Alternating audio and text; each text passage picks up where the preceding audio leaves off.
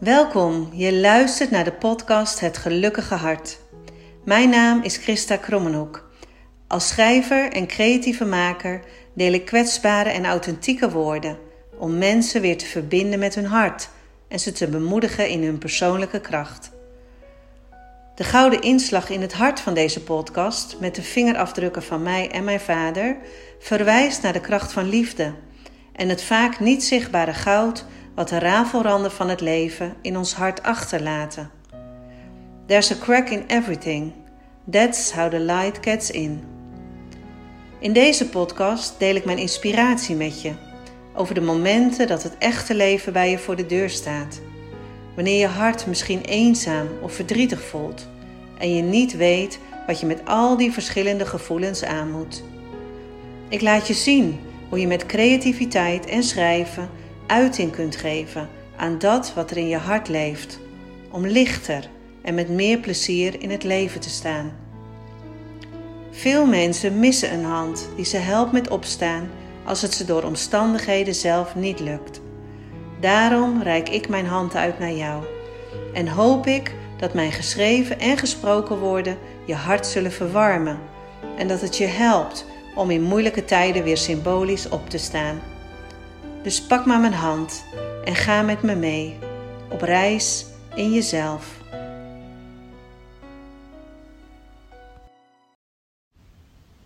Welkom bij weer een nieuwe podcast-aflevering. En het heeft even geduurd. Ehm, maar terug van weg geweest, dacht ik. Er zijn zoveel onderwerpen en thema's waar ik heel graag over zou willen praten. En ehm, ik eh, neem gewoon weer even iets op. En ik zie wel waar het over gaat. Dus het kan best zijn dat ik bedacht heb dat het over angst en gevoelens moest gaan. En dat het uiteindelijk heel ergens anders eindigt. Maar nou ja, dat ken je van mij. Ik maak geen script. Ik praat gewoon vanuit mijn hart. Hetzelfde zoals ik schrijf. En wat ik ook andere mensen eigenlijk altijd aanraad. Omdat dat de woorden zijn die eruit moeten, die het licht moeten zien. Maar ook dat dat je allermooiste woorden zijn. Um, Waarom vandaag deze podcast? Nou, ik zit uh, op dit moment te midden tussen allerlei verf, kwastjes en kleurtjes en journals en gouden letters. Um, een half koud kopje thee. Um, een halve melkfles gevuld. En je zal wel denken, nou waar gaat dit allemaal weer heen? Uh, ik neem je even mee een stukje terug. Uh, de afgelopen maanden heb ik mijn eh, dochter en kleindochter uh, tijdelijk in huis gehad. En die blijven voorlopig nog even hier tot het nieuwe huis klaar is. En uh, mijn dochter is begonnen aan een nieuwe baan op Schiphol. En ik heb gezegd, ik wil heel graag dat jij je leven op de rit zet. Dat jij het, nou ja, kan, kan werken, je ding kan doen. Dus ik pas op zolang het nodig is. En tussendoor kan ik schrijven en uh, kan ik coachen? Kan ik andere dingen doen? Um, dat gaan we doen. Nou, dat lukt ook. En uh, het is natuurlijk een groot feest als je elke ochtend dat hele kleine kopje ziet. En je nu iedere dag getuige bent van dat ze gaat kruipen en gaat staan in de box. En nou, dat is helemaal geweldig. En tegelijkertijd is het natuurlijk ook pittig en zwaar. Want ja, ik ben uh, geen 18 meer. Dus uh, vier dagen, soms vijf dagen voor een kleintje zorgen is gewoon weer eventjes uh, ja, iets heel anders. Dus uh, het geeft me heel veel energie. En het kost me ook nachtrust en energie soms. Maar ehm, over het algemeen meegenomen ben ik super blij dat ze hier is. En gaat het ook heel erg goed. En vind ik het fijn dat ik gewoon nou ja, niet alleen mag bijdragen aan haar ontwikkeling, maar ook mijn dochter kan helpen om een stabiele basis op te bouwen. En ik heb dat zelf natuurlijk ook altijd gehad toen mijn kinderen klein waren en wat groter werden, waren mijn ouders er altijd, die konden oppassen zodat ik uh, kon werken. En het was gewoon een heel veilig gevoel dat mijn kinderen ergens waren bij iemand die ik gewoon duizend procent vertrouwde. Uh, dus ik weet ook hoe Tessa dat voelt. Dat het gewoon fijn is dat er iemand is die aandacht en oog heeft voor je kind. En het neemt niet weg dat een andere oplossing niet goed is. Want wij zijn uiteraard ook aan het kijken of ze naar een kinderdagverblijf kan. voor een dag of een paar dagen. En, zodat ik iets meer speling krijg. maar het is ook echt genieten. En ehm, nou ja, heel veel dingen, thema's in je leven worden dan soms gespiegeld door dat de situatie verandert. En uh, het is heel grappig om te zien wat er dan gebeurt. Want we waren eigenlijk weer samen thuis zonder kinderen. En we hadden het hele huis wit met crème en leeg en opgeruimd en zen en uh, heerlijk. Bijna minimalistisch wil ik zeggen. Nou, mag je bijna wel zo zeggen. Uh, maar ik vind dat lekker. Een opgeruimd huis en uh, nou, dat wil echt niet zeggen dat het hier altijd opgeruimd is of dat mijn was aan kant is. Echt verre van dat. Maar ik hou wel van leegte en van minder. En dus ja, eigenlijk had het helemaal uh, fijn voor elkaar. En uh, als ik nu dus naar om me heen kijk, dan staat er een box. En een loopstoeltje en een grote kinderstoel en een kleine kinderstoel. En overal poppetjes en dingetjes. Um, maar het is helemaal goed. Uh, het leert mij dat ik ook gewoon weer kan genieten van alles om je heen. Het uh, laat me ook zien dat ik behoefte heb aan structuur, aan overzicht. Dus dat ik heel graag toch wil dat bepaalde plekken leeg zijn, omdat ik voel dat het gewoon goed is voor mij. Uh, dus in de situatie die verandert, en misschien herken je dat wel bij jezelf, um, zul je merken dat daar ook weer bepaalde lessen in zitten. En ik wilde eigenlijk de afgelopen maanden ging ik vertragen, minder op Instagram en Facebook al bijna helemaal niet meer. En ik ging lekker in de tuin, in mijn moestuin, in mijn bloemetjes en blote voeten. Nou, eigenlijk even helemaal terug naar het begin. En toen dacht ik, oh ja, nu ga ik onverwacht zo heel veel oppassen. En zij helpt mij met vertragen. Want op de momenten dat je hè, aan het zorgen bent, aan het voeden bent, aan het tillen, aan het sjouwen, aan het lopen achter de kinderwagen, dan heb je geen tijd om op je telefoon te zitten. Je hebt geen tijd voor achter de computer. Uh, dus je gaat hele andere dingen doen. En uh, dat is ook weer dubbel, want je hebt het ook heel erg druk. Dus uh, dat zen is soms gewoon heel ver weg. Maar aan de andere kant helpt het je ook om echt even helemaal niets te doen. En even niet uh, te rennen of te kijken naar anderen. Of te denken, oh, welk product zal ik weer gaan maken om te verkopen? Of uh, welke dingen zal ik in de schrijfschool neerzetten? Dus het helpt je ook wel weer met een andere blik naar dingen te kijken. En gewoon even helemaal stil te staan. En ook gewoon even bewust stil te staan. Dus ik moet zeggen, het is echt wel een hele drukke periode, maar ik ervaar het ook als super, super fijn. Dus uh, ja, wat dat betreft uh, voel ik me goed.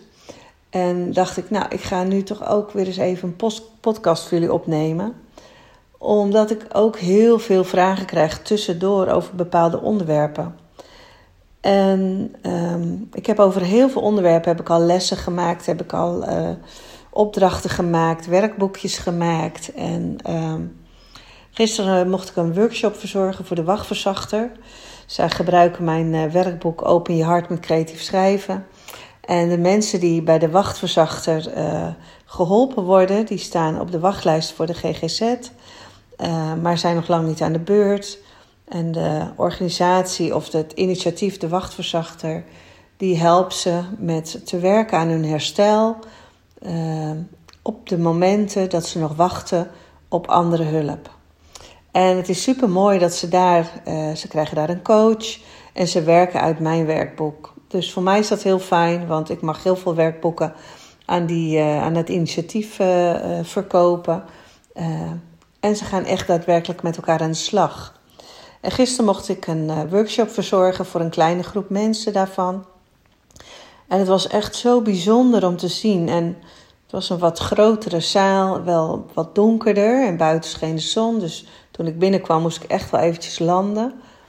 Maar het was alsof er een soort van deken over me heen viel. Uh, niet dat hij heel zwaar was, maar hij drukte me wel naar beneden. Zodat ik even gewoon langzamer en even met meer stilte en rust de workshop inging. Van tevoren was er even een mevrouw en die was wat eerder, dus we zaten even wat te praten. En het is natuurlijk altijd spannend Helemaal als je mentale uh, problemen in je gezondheid ervaart. Ehm, dan kan het zijn, uh, of lichamelijk, dat je toch met een, dat je toch een drempel over moet als je naar zo'n workshop gaat. Ik zeg ook altijd, als je gaat cupcakes bakken dat, of uh, bloemen schilderen, dan is dat niet zo heel spannend. In die zin, je hoeft niet iets van jezelf te laten zien. En als je zegt, we gaan creatief schrijven, we gaan het over open je hart hebben, dan denken mensen, oh, wacht maar even. ik geloof niet dat ik uh, daaraan toe ben, of ik vind het te spannend, of wat nou als ik iets moet voorlezen, of ik kan helemaal niet schrijven, ik maak spellingsfouten. Um, en zo kun je natuurlijk allerlei dingen bedenken waardoor een workshop creatief schrijven best spannend is. En uh, ik zat er even met die mevrouw van tevoren over te praten.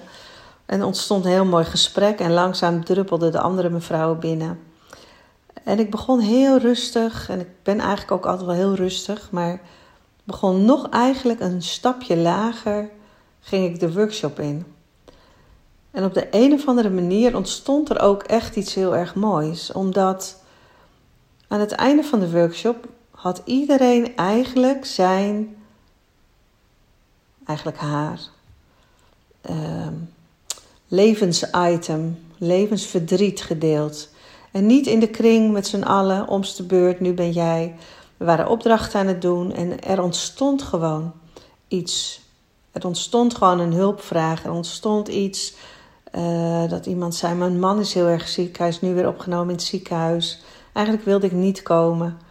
Maar iemand zei: Ga toch, dan ben je er even uit. En ze zei: Het is gewoon goed dat je. Je wil het eigenlijk niet daarover hebben, maar het is gewoon goed dat ik hier ben. En ja, jij hebt mij nu geleerd in deze workshop dat ik. Ja, dat je je gevoelens op een andere manier eruit kan laten. En uh, ondanks dat ik me heel veel zorgen maak en dat ik verdriet heb, voel ik me toch uh, rustiger. En iedere keer ontstond er een andere vraag, een ander onderwerp tijdens de opdrachten. En het mooie was dat ik heel veel voorbeelden had meegenomen en dat ik iemand ook weer zo een andere opdracht kon aanreiken. Van als je straks thuis bent, probeer dit eens, hè, want jouw verhaal gaat daar en daar over. Eigenlijk hadden alle verhalen met elkaar gemeen dat er rouw in zit. Verlies, verdriet, rouw.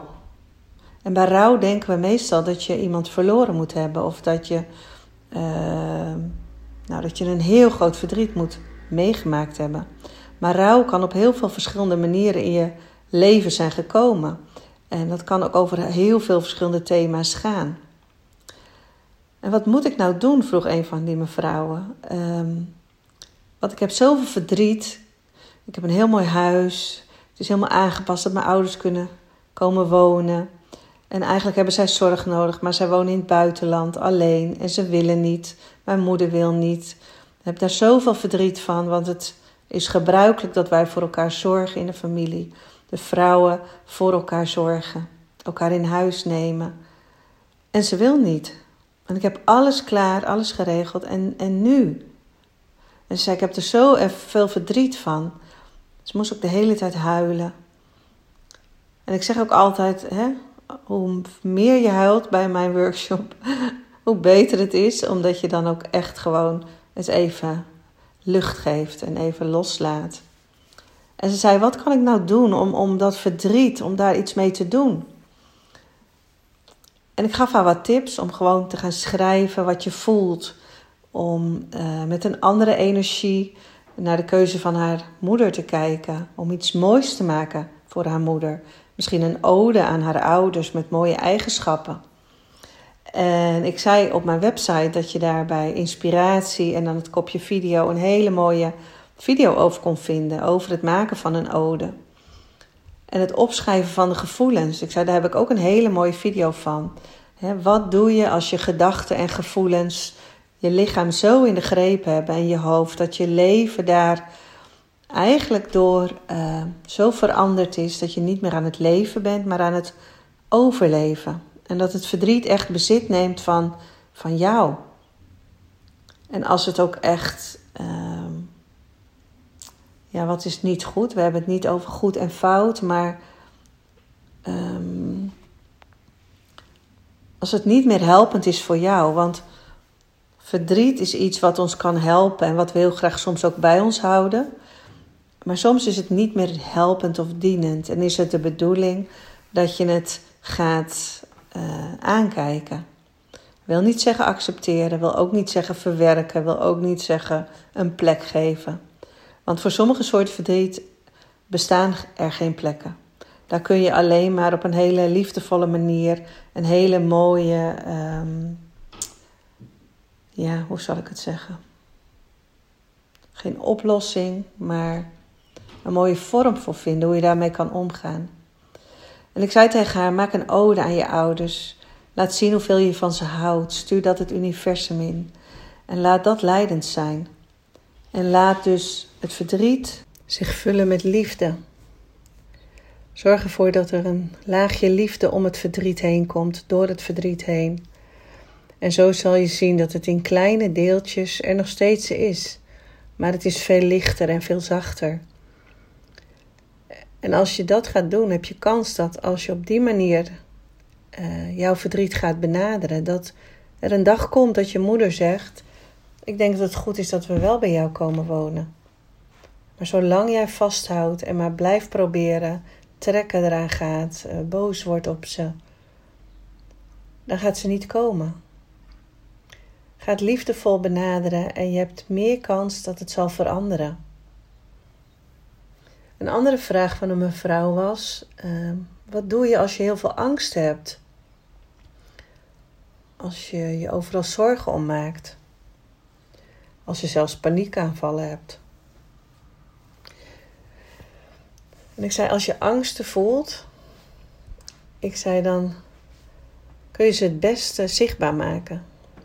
Dus schrijf op waar ben je allemaal bang voor. Geef ze een naam. Wat zit erachter? Wie zegt het misschien tegen je, zachtjes in je hoofd? Van pas op, want dit kan gebeuren. Of stel je voor dat. Misschien is dat iets van vroeger. Misschien maak je je terecht zorgen, dat kan. Maar ga opschrijven welke angst zit er in je hart. En waar maak je je zorgen over? Want als je het op papier opschrijft, dan is het zichtbaar, het is helder, maar het geeft ook rust. Want je kunt de angst aankijken, je kunt misschien ook al een beetje voelen of weten: oh, ik kan dit of dit doen. Ik kan die of die om hulp vragen. Of deze angst is heel reëel, ik moet hier echt iets mee. Misschien is dat iets over je kinderen. Dat je denkt: ik moet contact opnemen met school of met een huisarts. Of ik moet een gesprek aangaan met mijn kind. Ik maak me zorgen. En misschien heb je een angst die je opschrijft waarvan je denkt: Nou, ik weet eigenlijk al dat dit helemaal niet reëel is. Hoe komt het dan dat ik dit zo voel? En stel ook die vraag aan jezelf en schrijf gewoon het antwoord op. Want het is zo helpend om het te zien. Om te zien wat erachter zit. Wat er achter die angst zit. En ik zeg altijd: vandaag kun je beginnen met leven. Iedere dag weer opnieuw. Zolang het mogelijk is, heb je iedere dag weer een kans om opnieuw te beginnen. En hoe meer je gaat vechten tegen angst of zorgen, hoe meer ze er zullen zijn. Het is makkelijk gezegd, ik weet het. Omarm het, uh, sluit het in je hart, geef het een plek. Uh, maar jij moet er niet dealen. Jij weet hoe het voelt en een ander niet. Maar het beste is, wat ik zelf altijd heb ervaren en wat ik ook zie bij de mensen die ik coach, is als je de angst op papier gaat zetten. En als je het lastig vindt om het in woorden te doen, ga dan even tekenen. Uh, maar dan wordt het zichtbaar. Het wordt zichtbaar, je zet het in het licht en je zult zien, het wordt meteen al iets kleiner. En ik twijfel even of ik dit moet vertellen, maar ik denk dat ik het wel belangrijk vind dat ik het vertel. Um, want vaak zeg ik helemaal niets over de mensen die ik coach. Ehm, omdat dat natuurlijk uh, privé is. Maar ik wil één dingetje toch even uitlichten, omdat het hiermee te maken heeft. Um, want een van mijn klanten heeft last van uh, paniekaanvallen. En ze zei: Ik scan mijn lichaam altijd als ik naar buiten ga. En eigenlijk vind ik dat zo stom, maar ja, ik moet gewoon eerst weten hoe het met mijn lichaam gaat, met mijn hoofd, met mijn buik, met mijn. En dan pas weet ik of ik naar buiten kan. En de opdrachten die ik meestal doe met klanten die ik coach, is eigenlijk heel simpel, maar we maken het beeldend. Dus wat zei ik uh, in dat gesprek? Wij gaan een scanner maken. En ik moest denken aan een scanner op Schiphol, omdat uh, mijn dochter natuurlijk nu op Schiphol werkt. En uh, we gingen allebei een scanner tekenen. Zo'n soort deur waar je dan doorheen loopt. En ik had mezelf getekend en zij ook. En we hadden knopjes getekend, allebei andere nummertjes of lettertjes. En de scanner hielp haar om te kijken of ze bijvoorbeeld naar buiten kon. En ergens vinden we het dan vervelend dat we iets nodig hebben. Of we nou medicijnen nodig hebben of iets anders. Maar dat we iets nodig hebben wat ons helpt bij het gewone leven. In ons hoofd veroordelen we dat, beoordelen we dat vaak ook. Van nou belachelijk dat ik niet zonder kan, of dat ik dit en dit zo doe, of dat ik daar en daar hulp bij nodig heb. Wij zijn ook niet zo goed in hulpvragen allemaal. De meeste vrouwen niet. Um, maar misschien is dat voor jou anders. In ieder geval, we maakten een scanner. En dat, ik vertel het je omdat ik denk het is voor jou misschien ook goed. Uh, want een scanner kan zijn omdat je je lichaam wil scannen om te voelen hoe het met je gaat. Of je iets wel of niet uh, kan doen. Of je bijvoorbeeld, zoals die mevrouw, wel of niet naar buiten durft. En die scanner kan misschien negatief aanvoelen, maar die scanner is ook heel positief. Omdat als jij uh, vastloopt in je leven en misschien ook moeite hebt met ontspannen of met dingen los te laten, dan is jouw lichaam helemaal gespannen. En met een scanner kun je zeg maar de gedeeltes in je lichaam scannen en voelen hoe het voelt. Waar zit de spanning in je lijf? dus doe alsof je nu door de scanner heen gaat. En uh, misschien doe je even je ogen dicht. En voel je eventjes je voeten op de grond staan. Of voel je je knieën. Doe je knieën pijn. Of voel je je benen aan. Je heupen. Misschien werd je al vanmorgen wakker met niet zo'n fijn gevoel, met pijn in je rug. En hoe voelt dat? Ontspan je knieën een beetje, ontspan je heupen een beetje, ga een beetje wiegen, een beetje dansbewegingen maken. Je staat in een scanner en je scant deel voor deel je lichaam. Maar niet alleen om de nare dingen of de pijnlijke dingen te voelen. Maar misschien voel je ook wel een blijheid ergens zitten. Misschien voel je ergens een spanning zitten in je keel, in je nek, in je hoofd. Laat je schouders hangen. Laat je armen bungel, bungelen. Schud even met je handen. Een hele goede tip. Af en toe schud je hele lichaam los, een paar keer per dag. Zet een wekker als je het vergeet. Schud je lichaam even los. En je staat nu in de scanner. En je schudt je lichaam even helemaal los. Ik doe het ook even. Alle spanning die er in je lichaam zit, schud je los. En je voelt dat er wat energie gaat stromen. Misschien eh, voel je iets in je armen, misschien krijg je kippenvel op je armen. Misschien word je er verdrietig van of komt er een andere emotie. Alles is goed. Maar een scanner kan je helpen om te kijken hoe het met je gaat, maar ook om te ontspannen. En ik gaf de klant ook de tip: ga kijken naar de uh, meditatie-app van Michael Pilatschik. Uh, Meditation Moments heet het, geloof ik. En kies gewoon iedere ochtend eventjes vijf minuten iets uit.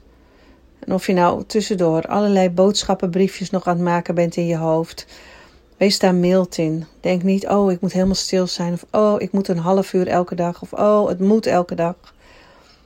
Doe het als je denkt, nu is het fijn. Stop als je denkt, nu is het goed, ik ben er klaar mee. Maar laat het je helpen om iets meer te ontspannen. Want dat is namelijk voor alle gevoelens en emoties goed in je lichaam. En dat komt je ook weer ten goede in ehm, voor je spieren, je gewrichten, uh, je hoofd, je blijheid, je hart, je gezondheid. Maar een scanner tekenen was voor ons op dat moment uh, een manier om zichtbaar te maken wat er speelde in haar leven, in haar lijf. En zo doe ik soms dus wel met klanten bepaalde opdrachten, omdat ik voel dat ze het nodig hebben. En het mooie was dat dat dus bij de workshop ook zo ging. Er kwam iets omhoog bij een oefening. En ik pakte een andere oefening erbij. Probeer dit eens. Kijk eens hier naar. En het fijne was dat ze uh, zich geholpen voelden en dat ze thuis ermee aan de slag gingen. Er was een mevrouw die zei: Ja, ik heb dit boek al een jaar en ik doe af en toe wel iets met iemand, maar eigenlijk ben ik nog niet echt begonnen. En wat fijn dat ik nu handvat heb gekregen, zodat ik uh, verder kan gaan. Nou weet ik ook uh, waarom ik een podium moet tekenen met een 1. En ik weet ook waarom je nu de oefening met het theekopje met me doet. En waarom je nu tegen me zegt: maak ook drie kleine theekopjes. Maar zorg altijd dat het grootste theekopje voor jezelf gevuld is. En ga dan pas die drie kleintjes voor de kinderen vullen. En ik snap nu ook, zei ze, dat we in het vliegtuig dat zuurstofmasker eerst op moeten zetten. En ik, ik had het met haar besproken in de workshop. En uh, omdat het heel lastig was um, om duidelijk te maken waarom het belangrijk was dat ze goed voor zichzelf zorgde. En ze zei: Ja, maar ik ben ziek geweest.